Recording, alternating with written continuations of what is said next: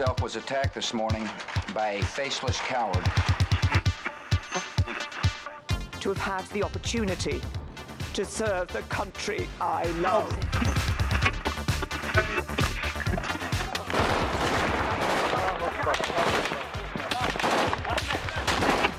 Den Einsatz für Frieden und Freiheit in Deutschland, in Europa und in der Welt. We will southern border. I beg you, please do not fail on this.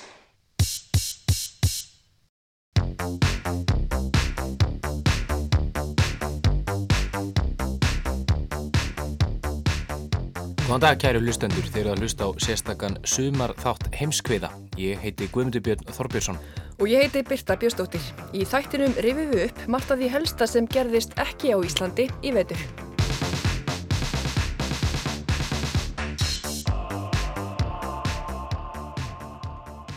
Við höldum áfram með sérstök þema í þessum sumarþáttum okkar og í dag er þemað glæpir. Já, við ætlum að rifja upp já, bæði eftirminnileg glæpamál sem við tókum til umfyllunar og svona kannski umræðu um glæpa þætti almennt líka og við ekki að byrja á stærsta glæpamálu sem við fjöldum um og fleiri. Jú, það er morðið á Ólaf Palme, eh, fórsetisráð þeirra Svíþjóðar sem var myrtur í miðborg Stokkólms 28. februar 1986 fyrir já, 34 árum síðan. Þetta er svona, þetta hefur verið já, að milli tannan á fólki í Svíþjóð allar tíð síðan hver myrti Ólaf Palme. Og þetta er einn umfangsmesta glæparans og sögunar bara. Emitt, emitt. En í pislinu sem við ætlum að flytja hér þá fjallar Bjarni Pétur Jónsson um glæpasagnahöfundin Stík Larsson sem rannsakaði morðið í tæp 20 ár og kom lauruglu á slóðina, eða Suður Afrikuslóðina eins og hann kallaði hana. Larsson laði drög að kenningunni þremur vikum eftir morðið. Útsendarar leini þjónustu Suður Afriku segjast hafa gert skítverk ríkistjórnar sinnar en hafna aðild að morðinu á Ólaf Palme. Og það má kannski fylgja með að þessi pistill var fluttur í mars síðastlinum en svo dróð náttúrulega aftur til tíðinda um miðan júni þegar hérna, eftirminnlegu blagamannafundu var haldið það sem að já, nýjustu vendingar er, raunni, segja til um að málunni sé í rauninni lokið. Emitt, og í ljós kom þá hver myrti Ólaf Palme okay. en við skulum hlýða á þessa útgófu. Ta emot på Sveavägen. Statsminister Olof Palme är död. Han mördades mitt i centrala Stockholm strax efter klockan 11 igår kväll. The Prime Minister of Sweden, Olof Palme, a long-time worker for world peace, has been assassinated. Olof Palme var að koma gangandi um 11 leitið í gerðkvöldi á samt konu sinni Lísbeth úr kvikmyndahúsi neðar við Sveaveginn þessa götu hér. Morðið á Ólaf Palme hefur leigið eins og mara á sænsku þjóðinni í 34 ár. Allt hófst þetta á kvöldu februarkvöldi í miðborg Stokkólms. Úlof og Lísbeth eiginkona hans tóku neðanjarðarlestina í áttina Grand kvikmyndahúsinu en fósettisáþeran hafi gefið lífurum sínum frí þetta kvöld. Þau sáu myndina Bróðana Mozart sem var vinsæl grínmynd á þeim tíma um leikstjóra sem setur á svið verku Mozart og allt fyrir úr skorðu.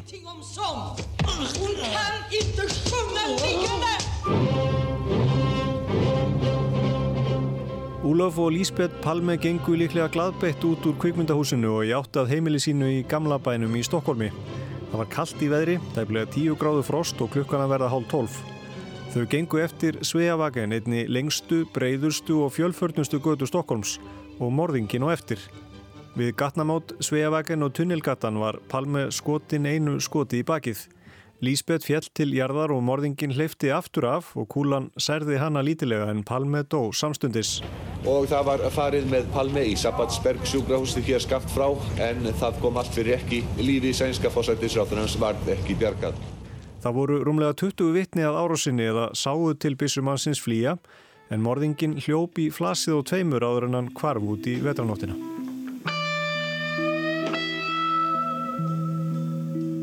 Sjónavottar gáðu flestir mjög óljósa lýsingu af morðingjanum sem stönguðust stundum á hver við aðra. Það eina sem hönd á festir, morðingin er kvítur karl á fertúsaldri, meðal maður á flesta vegu með derhú og í dökkum frakka. Hann skaut Ólo Palme til bana og hljóp síðan upp tröpputnar við tunnelgatan og þar verður slóðin kvöld. Þetta er það sem kalla má staðreindir í málinu og lauruglur ansóknin hefur ekki fjölgaði mikið eftir 34 ár og viðtölvi meira en 10.000 manns. En það er ekki skortur á kenningum og sumar þeirra eru lífsegar samsæriskenningar um að sænska lauruglan hafi átt hlutamáli, verkamannaflokkurinn PKK eða nínasistar sem vildu palme feigan vegna stjórnmálaskoðanans. Tveimur árum eftir morðið var Kristir Pettersson svo handtekinn en hann var ógæfum aður og góðkunningi lauruglunar. Hann fekk lífstíðardóm, aðalega vegna sakbendingar Lísbetar ekki uppalme, en lauröglega hafiði sagt henni að morðingin væri mikill drikkjumadur. Pettersson var stilt upp við hlið nokkura ungra lauröglumanna og Lísbet benti á hann sem var síðan síknaður í yfirrétti, aðalega vegna þessar mein gölluðu sakbendingar.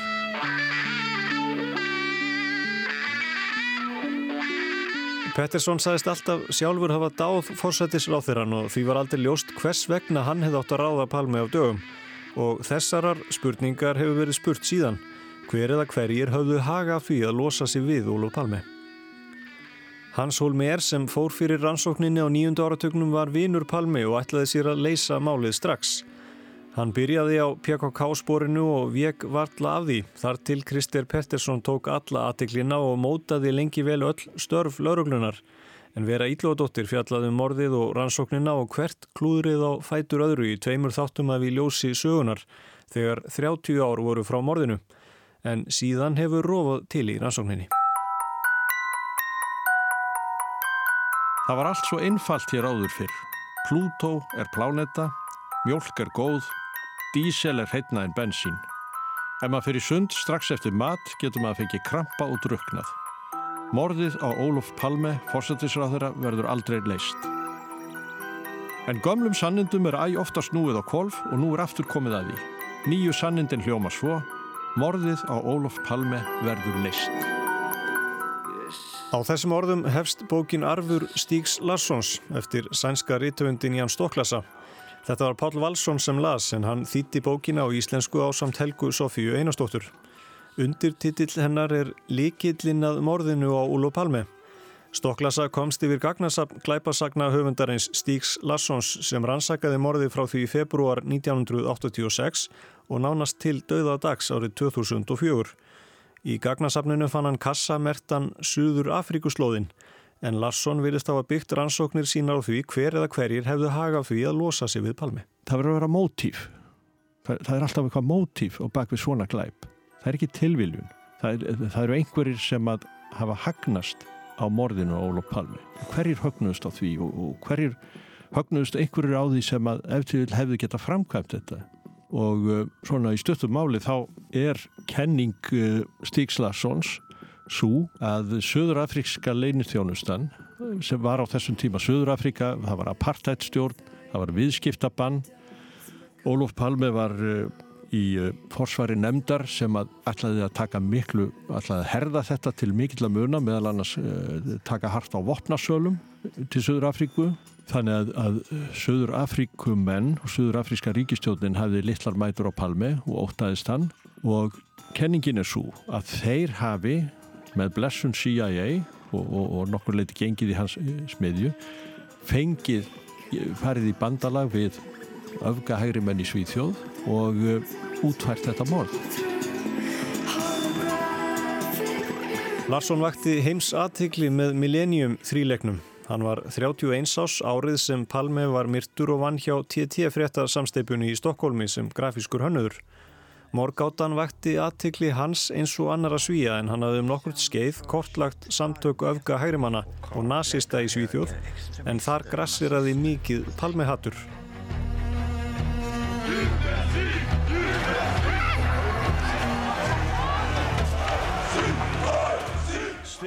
Strax í janúar 1987, tæpu ári eftir morðið, sendi Larsson lauruglu 30 síðuna minnisbladum sænskan jósnaran Bertil Vedín sem hefði tekið þátt í skipulagningu tilræðisins.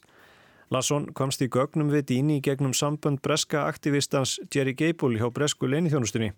Gable rít stýrði Searchlight, blaði sem fjallaði um uppgang augamanna í Evrópu. Árið 1983, þremur árum áður en Palme var myrtur, gerðist Larsson nokkus konar fréttarítari Searchlight í Skandinavíu og skrifaði þar greinar um Palme morðið og uppgang augamanna samhliða öðrum störfum.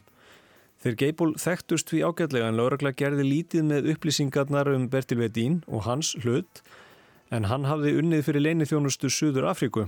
Larsson skrifaði þetta minnisblad aðeins þremur vikum eftir morðið á Palmi. Í þessum vangaveltum er líka sá möguleiki að Suður Afrískir hagsmunir komi við sögu í morðinu. Palmenemdin, þar sem Palme sjálfur var mikilvæg persona, hafði hleyft af stað áróðurs herrferð gegn þeim vopnasölum sem áttu viðskipti við apartheid stjórnina. Stíg Larsson held rannsóknum áfram en tíu árum síðar að mótni förstu dagsins 27. september 1996 fekk hann símtal. Jerry Gable var á hinum enda línunar. Jæja, þá er þyrnir og svöknuð af tíur á svefninum. Söður Afrikumennir eru farnir að benda hver og annan. Benda hver á annan fyrir hvað? Að sögn Eugene de Kock og Peters Castleton var palmemorðið skipulótt af Craig Williamson með aðstóð Bertils Wedin nákvæmlega eins og við heldum fyrir tíu árum. Grafði upp skjöliðinn frá þeim tíma og farða að skrifa. Nú fór Stíg Larsson á fullt. Gat verið að lausnin á palmemorðinu lægi í minnisblöðum sem hann hafi skrifað fyrir áratug og upplýsingum sem hann hafi sendt til öruglu. Lítum á nafnasúpuna í samtali þeirra Djerris og Lassons. Bertil Veitín er sænski njóstnarinn sem vann meðal annars fyrir leinithjónustur Breitlands, Bandaríkjana og Suður Afríku. Craig Williamson var vestur þýsku ríkisborgari og njóstnaði meðal annars fyrir leinithjónustu Suður Afriku. Hinnir tveir, Castleton og de Kock, voru leiguliðar sem hefði unnið fyrir Suður Afrísk yfirvöld. En Lasson var hissa. Hvers vegna voru þeir að benda hver á annan? 1996 var apartheid stjórnin í Suður Afríku fallin og Nelson Mandela hafði verið fórseti í tvu ár. Sannleiksnemnd var nýtekinn til starfa til að varpa ljósi á glæpi apartheidtímans og eftir að það var að veita sakar uppgjöf keftust útsendarar frá leinithjónustinu við að varpa ábyrð hver og annan til að bjarga eigin skinni. Við höfum áður fjallaðum apartheidtíman í heimskviðum og áhrif hans á suður afríst samfélag. Þar á ofbeldismenning djúpa rætur og ofbeldi þykir sjálfsagt enn í dag, hvað þá á nýjunda áratögnum þegar apartheidstjórnin var við líði. En kenning Stígs Larsson tegir sér víðar og hér er nú líklegt að glæpasagna höfundurinn hafi sjálfur fyllt í nokkrar eður. Um miðjan nýjunda áratugin voru einna mestu stríðsátökin í heiminum annars vegar milli Írana og Íraka og hins vegar stjórnarhers Nicaragua og kontrasveitana sem bandaríkin stuttu. Bandaríska leinithjónustan seldi ólögleg vopn til Írana til að fjármagna kontrasveitinnar í Nicaragua.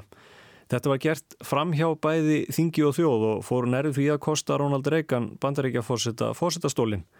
Árið 1985 áttu bandaríkin, Íran og Suður Afrika í miklum vopnaviðskiptum sem sænska vopna eftirlitsstofnunin stöðvaði og því sátu ríkin þrjú saman í súpunni.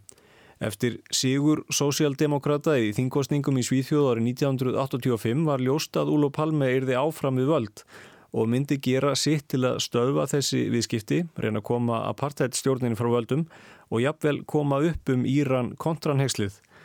Sankvært Larsson var endanleg ákverðunum að myrðapalmi tekin í sumarlokk 1985. En til þess þurfti flókna fléttu og Craig Williamson þótti bestur til að hrindin í framkvæmt. Jan Stoklasa, höfundur bókarinnar Arfur Stígs Larsson lísti ferlinu í viðtali við Guardian fyrir í þessu mánuði.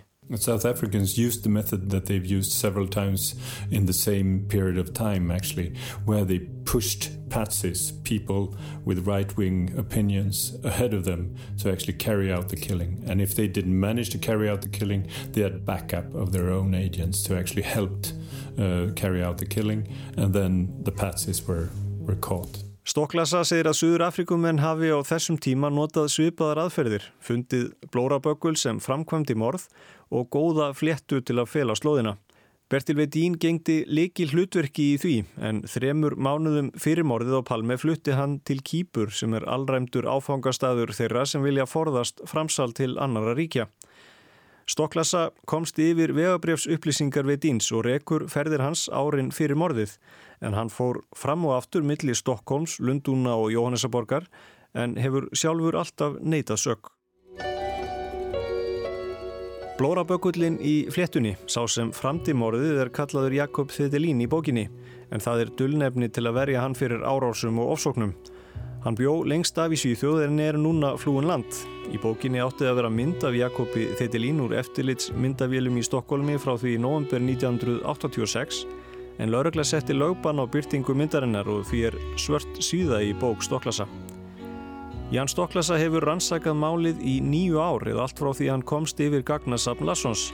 Hann fór til Jóhannesarborgar í Suður Afríku í desember 2015 og rætti við Craig Williamson, njósnarann sem bæði Stík og Stokklasa teljað hafi skipulagt morðið. Gefum Williamson orðið.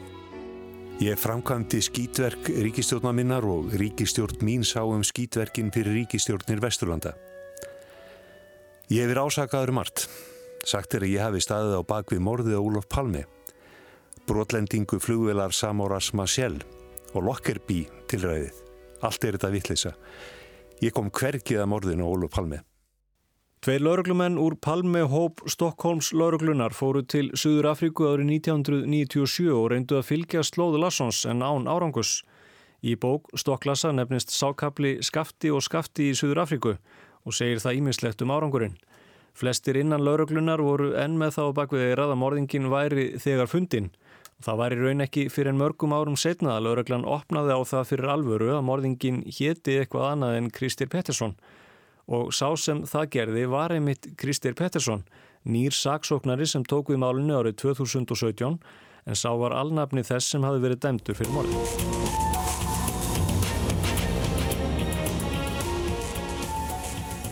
Sænskir fjölmiðlar hafa alla tíð fjalla mikið um orðið og það hefur verið aðal umfjöllunarefni síðustu tvekja þátt af glæpum vikunar vekans brott í sænska ríkisjónvarpinu.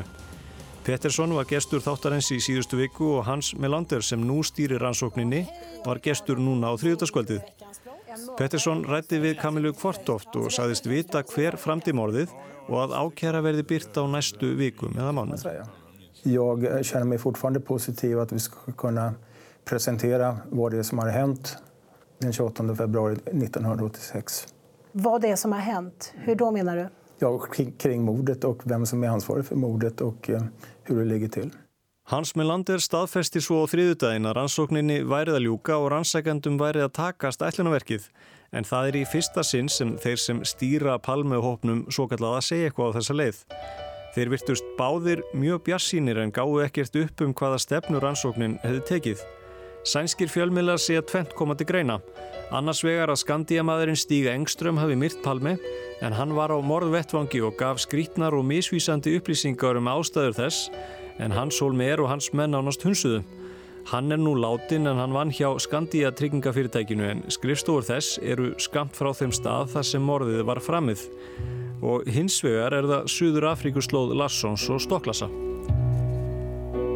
Þessi mikla og skindilega bjassíni rannsakenda gefur til kynna að þeir hafi raunveruleg sönnunagögn undir höndum sem hefur verið mikil skortur á í þessari rannsóknu og án morðvopsins verður erfitt að skera úr um það hver það var sem myrti Úlof Palmi.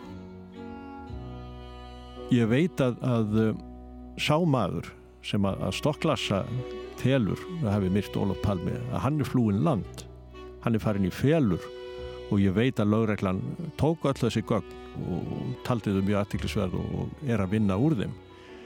En eh, hins vegar er þessi rannsókn og saga hennar eh, svo mögnuð að sumir segja að það verður aldrei hægt að dæma neitt fyrir morðið Ólof Palme nema morðvopnið finnist. Og um, Stokklasa telur að, að það sé það, það, það sé en það morðvopnið sé enþá til staðar. Hann er með þá kenningu að það sé í örgishólfi í, í Stokkólmi og, og um, en við verðum bara að sjá hvað setur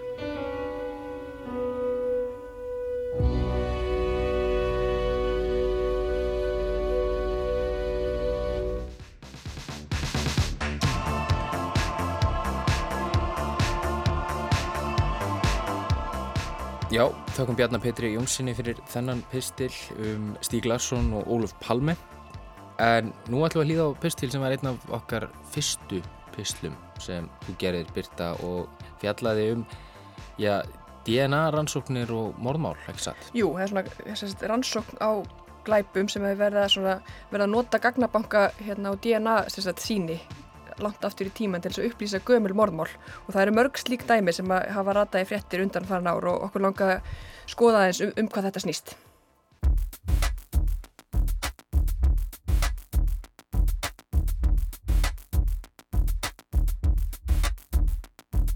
Sagan byrjar á frásögn af Jerry Westróm. Sá er 52 ára gammal maður sem í upphafi árs sótti hokkileiki í Minneapolis. Í frétt New York Times um málið kemur ekki fram hvaða leikur þetta var, en það er það aukaðatriði. Það sem er aðalatriðið í sögunni er servietta sem hann notaði til að þurka sér um munnin eftir að hafa gætt sér á pilsu fyrir leik.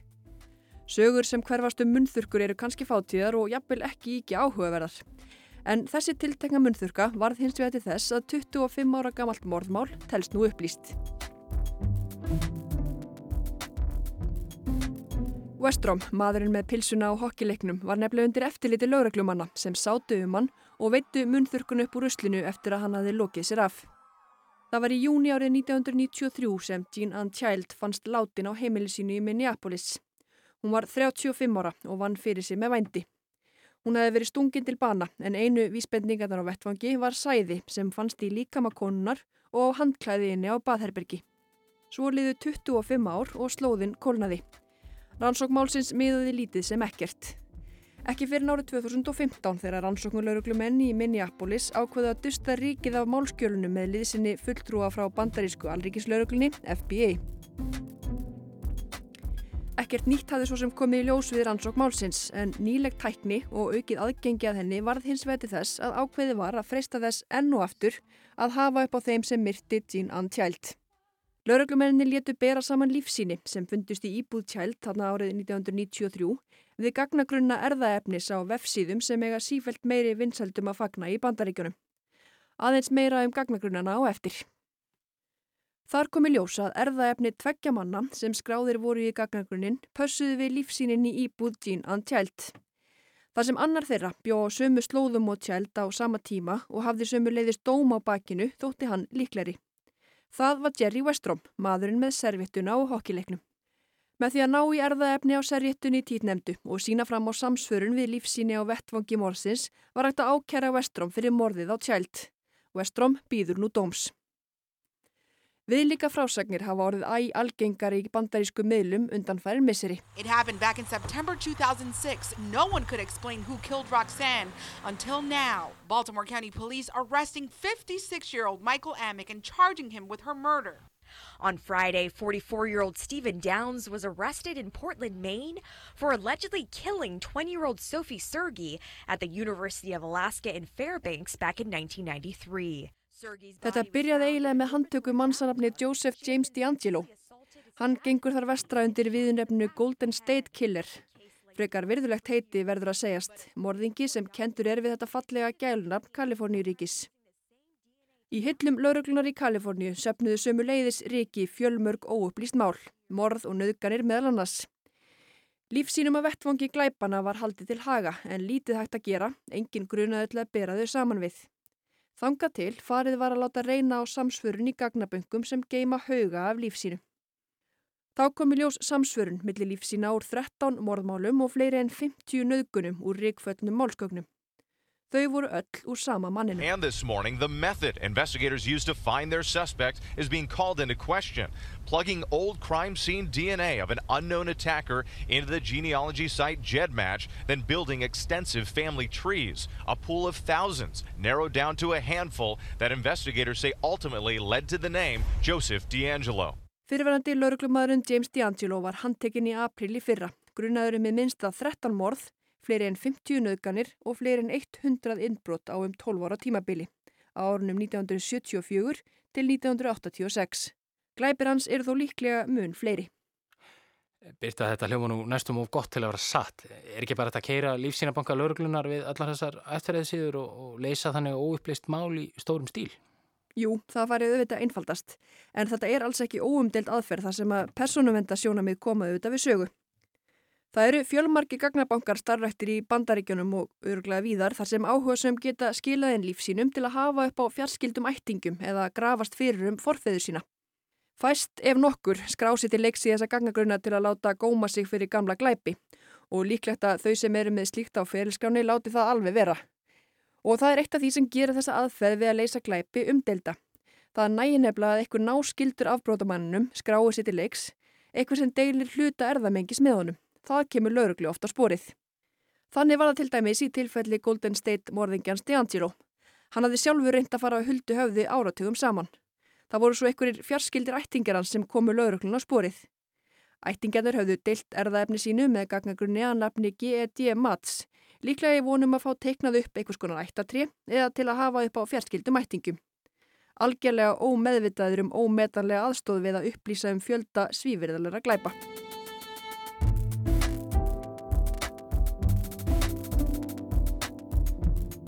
Og við séum flest eflust sammála um að þau sem drepa og nöðgæ megi gerðnan bera ábyrð á gjörðum sínum eru þessar aðferðir ekki óumdeildar. Verjendur þeirra sem eru nappaðir árum og áratugum síðar eftir þessa aðferð eru þeir sem hafa hvað hæstum hvað þessi meðul eru varasum. Og kannski eðlega, því það er jú þeirra starf. Þeir nota gerðnan þá málsvörna þarna sé of langt seils til að dæma fólk áratugum síðar og að áreiðanlegi gagnana sé ekki óumdeildur. Þá setja margir þeirra spurningamerki við öflun gagnana, samanber servéttuna sem veitt var upp úr ruslunni á hokkileiknum muniði. Saksóknari í málunu gegn servéttumanninum Vestróm sagði hins vegar að skilji menn eftir lífsíni og opnum vettvangi sé það þeirra vandamál. Það var sama rauksemta fæsla og saksóknari í málunu gegn Golden State morðingjanum notaði.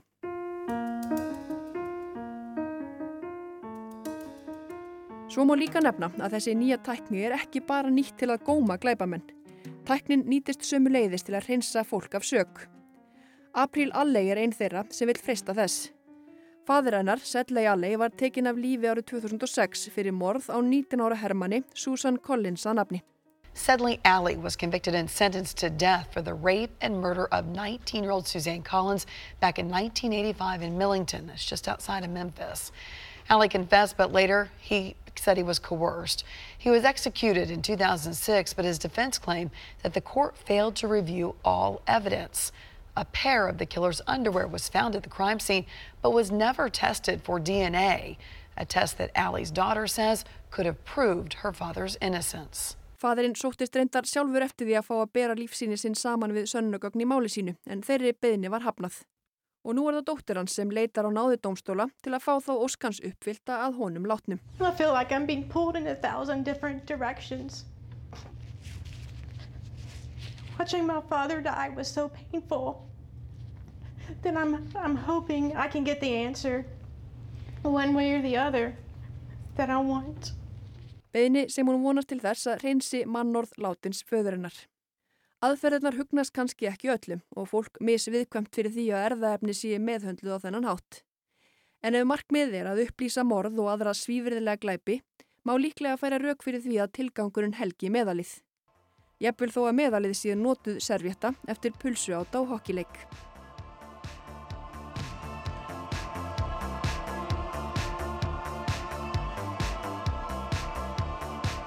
Já, þarna kom pulsu átið og servittan þessum glæbamanni í hann krabban.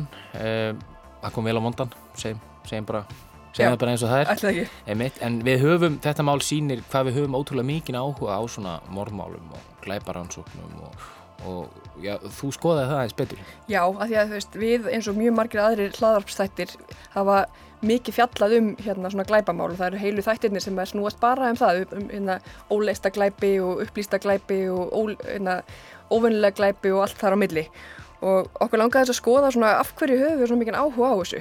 Af hverju, þú veist, af hverju horf, hlustu við á hlaðarpstætti um glæbi, af hverju horfum við á Netflix-seríu sem byggja á mm -hmm. sönnum glæbum og við töluðum við Margreti Valdimarsdóttur sem er sérst doktor í afbreytafræði og lektor í lauruglufræði við Háskólan á Akureyri og hún hefur lagst yfir rannsóknir um af hverju við höfum hennar mikla áhuga á glæbamálum. Einmitt. Og þetta tengist líka náttúrulega öðru máli sem var mjög stórt og er mjög stórt núna í Norri, það er kvarfið á önnu Elisabeth Hagen. Já.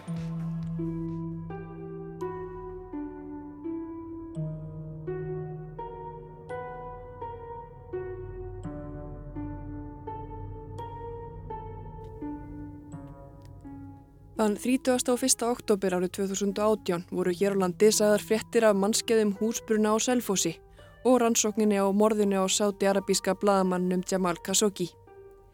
Engar fréttir voru hins vegar sagðar þann dag af dulafullum atbyrðum í Noregi þegar Anne Elisabeth Hagen, 68 ára kona, virtist hafa gufað upp.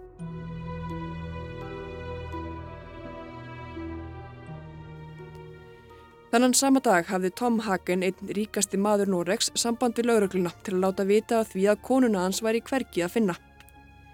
Þrátt fyrir að hún væri horfin var ekkert fjallað um þá staðrind í fjölmiðlum og það var heldur ekki líst eftir henni. Ástæðin svo að frá upphafi þótti ljóst að hvarf hennar ætti sér ekki eðlilegar útskýringar. Það var ekki fyrir en talsverði síðar að atbyrðinir sem gerðist hennar örlega ríka dag rötuði í fréttir. Einni ríkostu konu Noregs var rænt af heimili sínu 30. og 1. oktober í haust fyrir tíu vikum og jafnverði 1,2 miljardar íslenskara króna í rafmynd krafist í lausnargjald. Ekkert hefur spurst til konunnar síðan og lögregla hefur haldið rannsókn málsins lindri vegna hótanar mannræningjana um að myrða konuna. Mannrán af þessu tægi er einstæmi í Noregi. Það hafa verið skrifaður fréttir að minna tilefni. Egin kona eins ríkasta manns Noregs kvarf af því er verðist sporlust af heimili sínu. Og ekki nóg með það, allt benti til þess að hún væri í haldi mannræningja. Hasamyndir hafa meira að segja verið gerðir að minna kill yourself, you motherfucker! Give me back my son! Hello! You want him? Yes! You want him? Í lauruglu skýslu er Tom Hagen sagður hafa verið afar áhyggjufullur um afdrif konu sinnar. Á heimili hennar fannst bref þar sem lausnagjalds í formi rafmyndar er krafist. Hinnir myndu mannreiningar höfðu svo aftur samband og nokkrum sinnum og hótuðu því að myrða Anne Elisabeth ef lauruglu erði blandað í málið. Reglulegir bladamannafundir norsku lauruglunar hafa vakið mikla aðtigli alveg frá því að málið kom fyrst upp og ekki minnst sá síðasti sem var bara í síðustu viku þegar laurugla tilkynnti um að nú væri búið að handtaka eigin mannin áhyggjufulla, Tom Hagen, einn ríkasta mann Noregs. Øst politidistrikt har i dag pågrepet Tom Hagen, sikter for drap eller medvirkning til drap på sin kone Anne Elisabeth Hagen. Tom Hagen situr nú í varðhaldi, heldur reyndar fram sakleysi sínu, en nú eru líklega í uppsýklingu réttarhöld þar sem öllum steinum í málunu verður velt við aftur og aftur. Allur óhrinni þvottur þeirra hjóna verður viðraðir fyrir hunda og manna fótum. Það er meira segja þegar byrjað. Vinnir þeirra hjóna hafa nú deilt í með völdum fjölmjöljum í Noregi að Anne Elisabeth hafi verið að velta því fyrir sér að skilja við Tom Hagen. Hjónaband þeirra hafi verið stormasamt og hann hafi langað út. Þá eru vangaveltur um kaupmála þeirra á milli sömu leiðis slegið upp viða.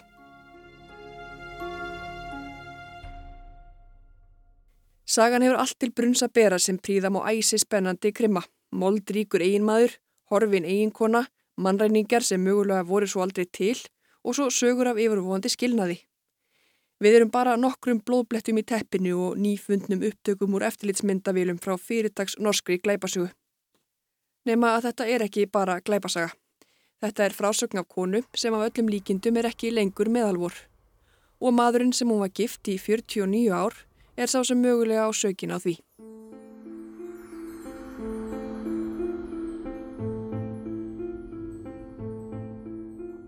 Ef ekki er þegar byrjað að leggja drauga því, þá er það einungis tímaspursmál hvernar bækur, sjónvastættir og hlaðvarpstættir verða gerðir um hvarf önnu Elisabethar Hagen. Því áhugin á umfjöllunum alvöru glæpi er mikill og ótvíraður. Sá áhugi hefur meira að segja verið rannsakaður. Þessi mikli áhugi okkar á afbrótum og sakamálum á sér eðlilega skýringar. Þetta er Margret Valdemarsdóttir. Hún er doktor í afbrótafræði og lektor í lauruglufræði við Háskólan á Akureyri. Sálfræðingar hafa bent á það að við höfum áhuga afbrótum og þá sérstaklega sko óhugnalegum svona sakamálum eins og einhverjum óðbeldisbrótum vegna þess að þess konar brot vekið svona sterkar tilfinningar hjá okkur. Samum með þólendum, anduð og fordæming gerenda og, og við þessar, það verði einhvers konar tilfinningar úr sípanni sem mörgum okkar þykji einfallega eftirsóknarverður. Margret segir að enn einn kenningin um mikinn áhuga almennings á frásögnum af ofbeldisverkum og öðrum glæpum sé einfallega sjálfsbjargar viðleitni. Meiri segja að hafa sem bent á það að með fordæmingu og að það fáið svona staðfestika okkar eigin ágæti. Eða þetta er allavega svona einn kenning sem hefur verið sett fram í sjálfræðinni. Svo hafa félagsræðingar bent á því að einnig þessi áhug okkar á sakamálum sé beintengtur þessari fordæmingu. Að það að fordæma þá sem brjóta reglurnar, það samin okkur sko, samini fólk og við veitum það alveg að það er hlut að vera manneskja að hafa þörf fyrir að tilhera, tilhera samfélaginu og þegar við erum þess að þetta fordama þá sem brjóta af sér að þá líka bara skerpum við um leið á reglum samfélagsins á okkar samíðilegu gildum og við staðfestum sem samfélag bara hvaða hefðun líðst ekki.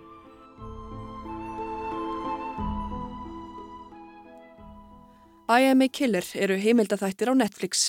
Þeir telja nú þegar tvær þáttaræðir en í hverjum þætti er sögð saga dæmts morðingja. I was convicted for capital murder. I was convicted of capital murder. And I was sentenced to death. Þau sitja öll á bakvið lás og slá og segja í þættinum sögu sína, af hverju þau gerðu það sem þau á endanum voru dæmt fyrir og hvernig þeim líður með það í dag. Í fyrsta þætti, annarar þáttaraðar, segir Lindsay Hogan sögu sína. He was only 25 and he had his whole life ahead of him, but I made the choice. I took his life and there's nothing I can do to undo it. Hogan afplánu nú 60 ára fangilsistómi í Montana í bandaríkjunum fyrir glæpin sem hún lísti þarna áðan. Hún drap hinn 25 ára Robert Mast. Í þættinum eru sömulegist til viðtals móðir og stjúpfæðir Masts en það er þó ekki þar með sagt að þátturinn hafi verið gerður með góðfúslegu leifi allar fjölskyldu hans. Mindy Pendleton heitir stjúpmóður Robert Mast sem var myrtur þarna árið 2015. Í februari fyrra hafðu framleiðendur þáttaraðarinnar IMA Killer samband við Pendleton og eiginmann hennar og þó skuð eftir samstarfi við þau við gerð þáttarins. Því var auðu svarað, stjúpmóðurinn, fadir Masts, sískinni og vinir voru meðal þeirra sem vildu ekki bara alls ekki taka þátt í að segja sögu hans í þáttunum, heldur grátt báðu framleiðendur einfallegum að gera það ekki. Sem foreldri og manneskja byggði þau um að gera þetta ekki, segir meðal annars í einu brefana sem stjúpmóðurinn Pendleton sendi framleiðendum þáttana. Þessi armur fjölskyldu Robert Martz sögðu það ómanneskilegt að hagnast á heimildamind þar sem fórnarkostnunum væri andleg líðan sirkjandi fjölskyldu. Þrátt fyrir mótbærunar var þátturinn gerður og önnur þátturöðin hófst á sögu Lindsay Hogan. Það er sorgarsaga konu sem var í ofbeldisambandi en hitti svo Robert Mast og varð ástfangin. 26 dögum síðar var Mast allur. Hogan kyrtandi bana. Hún lýsir því smáatriðum í þættunum hvað Mast var þunglindur og óhaumikisamur. Hann hafi beðið hann um aðstóð við að deyja. Lörgla segir að Robert Mast hafi verið ofur ölvi þegar hann var myrtur og að Hogan hafi við handtökuna sagt að þessi hafi alltaf langað að vita hvernig það væri að drepa eitthvað með berum höndum. Hér verður ekki farið nánar í málavöxtu. Áhuga sem geta annarkvört líta á frásök Hogan í áður nefndum þáttum eða lesið viðtal við ósátta fjölskyldu Robert Mast í The Time í síðasta mánuði. Eða bara gert bæði eða kúrugt. Já, allir þessir þættir, öll þessi umfjöllunum morð og aðra glæpi er alls ekki alltaf í þökk aðstandenda þeirra sem fjallaðir um. Það eru mýmargar, sögurnar, viðtölinn, yfirlýsingarnar frá fjölskyldum sem byggðast undan eða fordæma umfjöllunum harmþrungin örlög ástfinna sinna, öðrum til dærastýttingar. Önnurgagrinni sem sumir þessara þátt að fá er sviðsljósið sem gerendur ofbeldisverka fá. Í áðurnemdum þáttum að ég með killer eru dæmdir morðingjar aðal söguheitunar eða söguskúrkarnir. Þau segja sína hlýðamálunu og taka afstöðu til dómsins sem þau hluti. Sum brot eru framin með það að markmið að vekja aðtökli, fjölmila. Og margir brotamenni þrýfast á þessari aðtökli sem þeir fá. Og, og þá held ég að kannski sé aðalatriðið einmitt hvernig er fjallað um brotin að þeir einmitt að, að gerendur séu ekki gerðir að einhverju stjörnum eða hetjum og það sé fjallað bara um þá þegar það já það er erfitt að segja þegar það þarf eða þegar að, hérna, það hefur eitthvað sérstakann tilgang. Ég held að einmitt að, að ef að þeir séu einhver miðpunkturinn í umfjöldunni, að það, umfjöldunni að þá getur það mögulega verið slæm. En svo líka, það, þú veist, að gefa út einhverjar ákveðna reglur um það hvernig má fjalla um sagamáli, þetta er hérna, einhvað sem ég held að fáur vilja gera. Vinsældir heimildaþáttan, hlaðavarpa, kvikmynda og frétta sem segja frá raunverulegum glæpum er eins og framhug komið ótvíraðar. I Am a Killer var ein af tíu vinsælustu þáttaröðurum á Netflix í bandaríkjunum í frumsýningamánuðum í fyrra og nú er þriðja þáttaröðun í bígerð. Og það er ekki bara sjónvarslættir. Árið 2016 voru seldar rúmlega 970.000 bækur í bandaríkjunum sem inni heldur sannar sögur af glæpum. Tveimur árum síðar hafði fjöldin næstum tvöfaldast þegar 1,6 miljón intakast líkra bóka runnu út úr hillum bókavesluna á náttborð áhuga samra.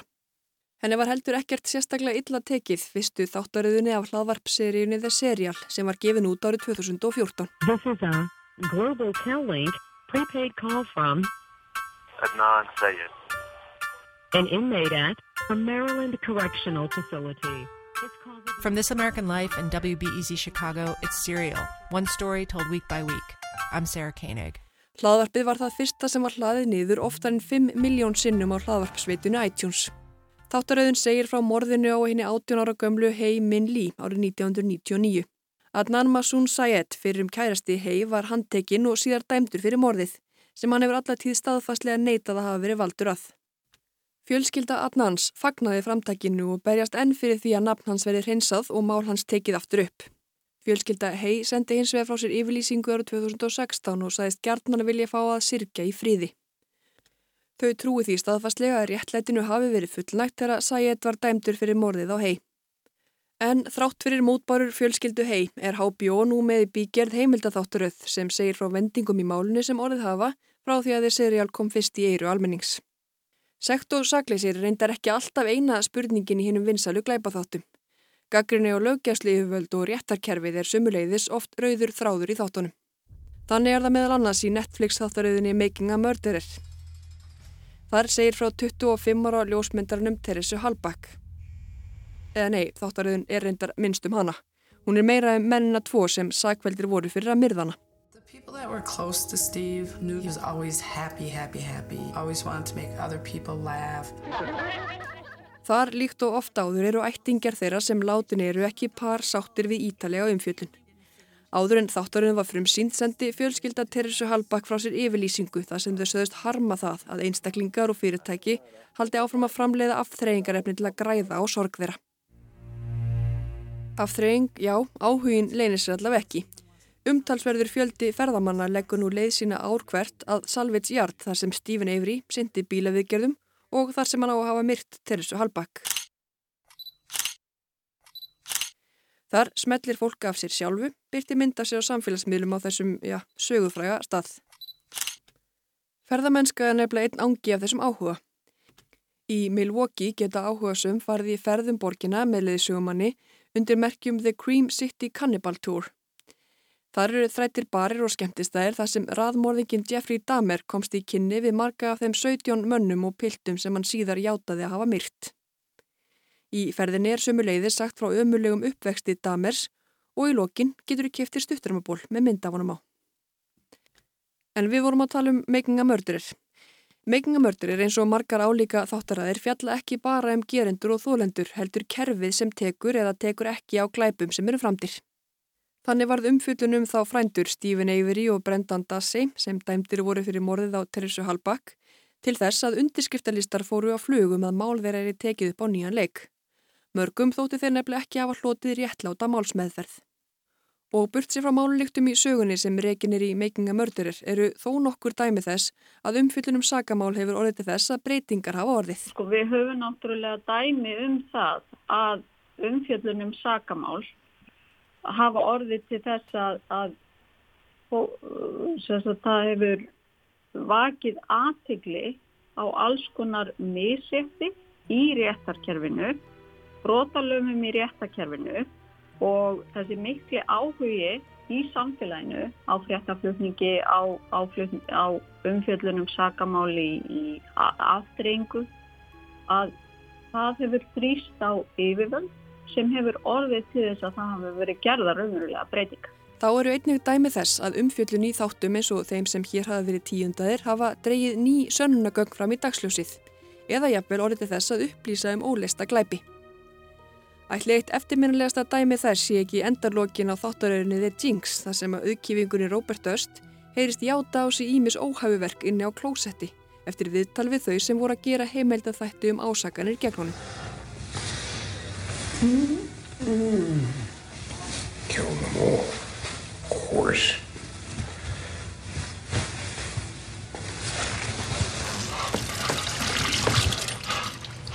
Upptakan er meðal annars notuð í réttarhöldunum yfir döst sem nú standa yfir, en hann er ákjærður fyrir að hafa myrt vinkonu sína. Brot úr heimildatháttunum hafa verið sínd kviðdómnum í málunu sem sannunagögn. Umfyllunum glæpi er því líklega alls ekki al slæm en lítur líklega sömu lögmálum og flest allt annað, það skiptir máli hvernig það er gert. Afbrótafæðingurinn Margret Valdimarsdóttir segir nefnilega að já, hvort sem sum líka betur eða verð, er umfyllunum glæpi nokkuð sem tekiði með í dæmið í afbrótafræðunum. Í þessu samingi og kannski gaman að segja frá því að, að ég fyrir regla á ellendar afbrótafræðir ástöfnur þar sem að fræði fólk kemur saman og kynir ansóknir sínar og talar uh, saman um hitt og þetta tengt afbrótum og á þessum ráðstöfnum að það er alltaf að minnstakosti eitt svona sessjón þar sem við bara fjallaðum afbrót og fjölmjöla eða afbrót í einhvers konar aftreyingarefni. Af uh, af því að þetta skiptir í raun og veru, af því að þetta skiptir raun, raunverulegu máli. Þess að byrstingamindir afbróta í skáldskap skipta meira sér máli í sjómanstáttum, í bíómyndum og öðru slíku vegna þess að hugmyndir sem við fáum úr aftreyingunni það er auðvitað móta hvernig við horfum á þólendur og gerendur. Og okkar viðhorf getur auðvitað áhrif á stefnumót hvernig er brúðist við og, og eins og þú segir það það er svona skiptir þetta máli